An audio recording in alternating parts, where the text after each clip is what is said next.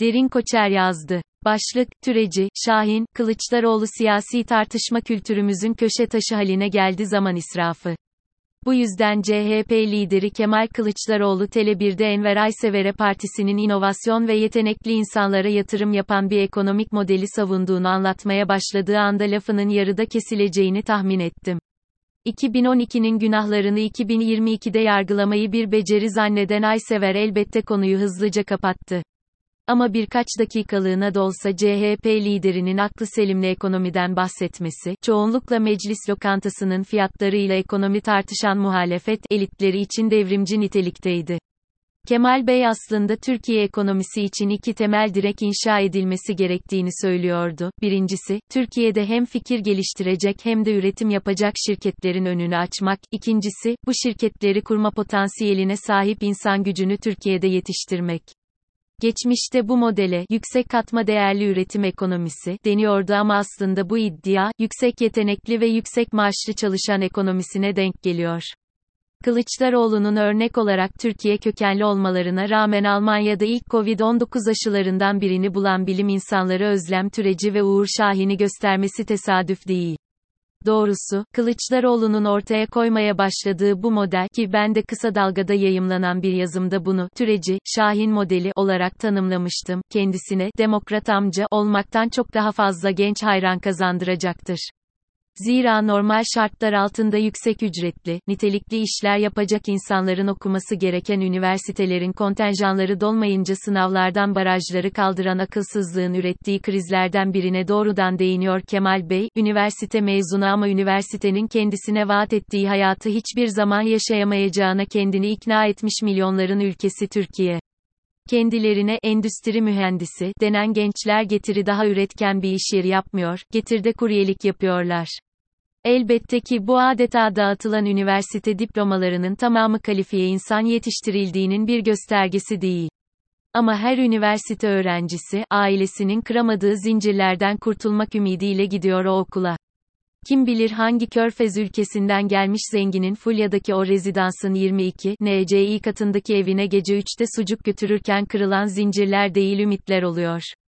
Dolayısıyla her ile üniversite açmayı marifet zanneden hükümetin, bunca üniversiteli yetiştirdikten sonra milleti köle gibi çalışmaya zorlayan Çin modeli dayatmasının karşısına, yüksek yetenekli yüksek maaşlı üretim ekonomisiyle çıkmak, bu ülkenin geleceğine dair demokratik bir ses olmaktır. Kemal Bey'in anlattığı ekonomik kalkınma modeli, bu ülkenin çoğunluğunun destekleyeceği bir pusuladır. İlan edilmemiş seçimin, ilan edilmemiş adaylarının, başlamamış kampanyalarına dair spekülasyon yapmayı, araştırmacılık, zanneden şirketlere, bu ekonomik modelin halk arasındaki popülaritesini, araştırmalarını öneririm. Yani Kemal Bey'in pusulası doğru. Ama sadece pusula yeterli değil, Kılıçdaroğlu'nun da CHP'nin de işaret ettikleri hedefe Türkiye'yi nasıl götüreceklerini de gösterebilmeleri lazım. Her ne kadar hiçbir politika konuşulmayan ve dolayısıyla kek ile pastaya kaybedilen son Cumhurbaşkanlığı seçiminden bu yana 4 yıl geçmiş olsa da partide Kemal Bey de bu süreyi ziyan etmiş durumdalar. Eh, Türkiye'de siyasetin köşe başında, yani zaman israfı sevdasının tam da merkezinde bulunmanın doğal sonucudur muhakkak. Ama şanslılar, Kılıçdaroğlu'nun gösterdiği hedefe durmadan yürüyenler var, örneğin ilhamı, girişimci devletin yazarı Mariana Mazzucato'da aramak mümkün. UCL'de kendi inovasyon kürsüsü olan Mazukato'nun ana çalışma alanı, devletlerin hangi politikalarla hem özel hem de kamu sektörlerinde mucitliği destekleyebileceği üzerine. Yüksek yetenekli ve yüksek gelirli olmak isteyen girişimci toplumların, girişimci devletlere ihtiyacı vardır, diyor. Misal, ABD ekonomisinin internetle beraber 80'lerde kendini yeniden keşfetmesi sadece dönemin Ronald Reagan yönetiminin iş dünyasını regülasyonlardan arındırması değil, 10 yıllar boyunca Amerikan devletinin başarısızlık riski yüksek araştırma projelerine milyarlarca dolar ayırmasıydı.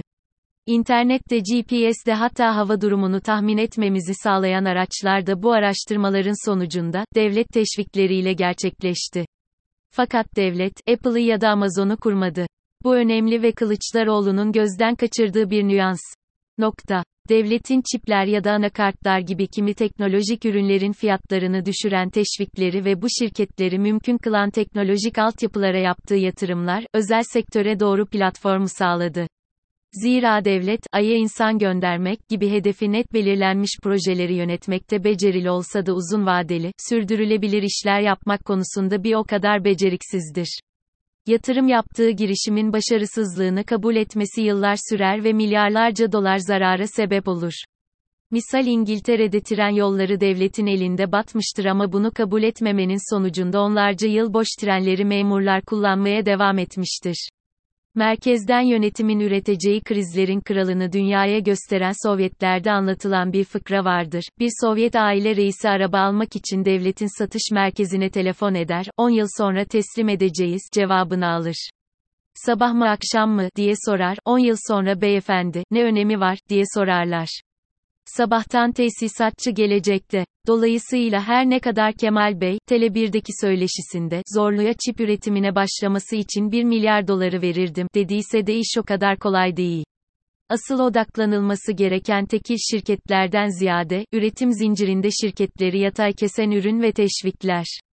Bu konuda da Türkiye'nin uzun vadeli hedefler belirlemesi elzem. İnovasyon istiyoruz denince piyasanın pide üzerine susamla ünlü ismi yazmak gibi icatlar çıkarması da mümkün, yeni Apple'lar, getiriler üretmesi de. Örneğin dünyanın çözmek zorunda kalacağı iki temel sorun var. Birincisi, tarihin en kalabalık ve en yaşlı nüfusu kendine bakım ve tedavi arayacak. İkincisi, iklim krizi dünyanın her köşesinde enerji üretimini tepetaklak değiştirecek. Dünyanın her yerinde, herkes, bu iki krizle savaşmayı kolaylaştıracak aletlere, teknolojilere ve servislere ihtiyaç duyacak.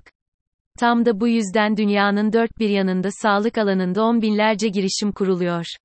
Mesela, önleyici tıp alanında çalışan şirketler, bireylerin aile geçmişlerine ve şahsi serüvenlerine bakarak insanları hasta olmadan tedavi etmeye çalışıyor ya da internet üzerinden doktorla görüşülebilen, hatta reçete dahi yazılabilen uygulamalar Birleşik Krallık'ta devletin sağlık sisteminin içine entegre ediliyor ki hastanelerin üzerindeki hasta yükü azalsın. ABD'de internet yatırımını Savunma Bakanlığı'na bağlı olarak çalışan DARPA ajansı yapmış, sadece yeni bir teknolojik araç değil, aynı zamanda 10 milyarlarca dolarlık yepyeni bir endüstriyi de var etmişti. Türkiye'de Sağlık Bakanlığı'nın altında çalışıp, yüksek riske yüksek kazanç vaat eden yepyeni bir ajansı kurmak neden mümkün olmasın? Doktorlara, giderlerse gitsinler, diyen bir zihniyetten, doktorluk değil mucitlik yapsınlar, diyen bir zihniyete geçmek, Türkiye'nin sadece yaşlılarını değil geleceğini de kurtarır.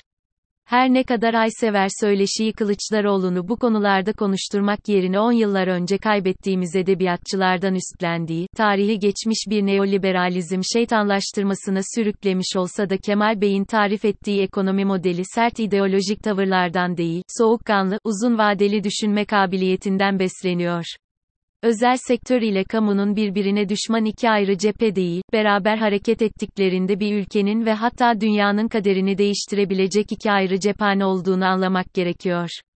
Tam da bu sebeple Kılıçdaroğlu için türeci, Şahin ekonomi modeli üzerine bir tane video çekilecek bir mesele değil, toplumu uygulanabilirliğine ikna edecek bütüncül bir ekonomi politikasına dönüşmeli. Üstelik bu, aşıyı bulmak kadar zor bir iş olmamalı.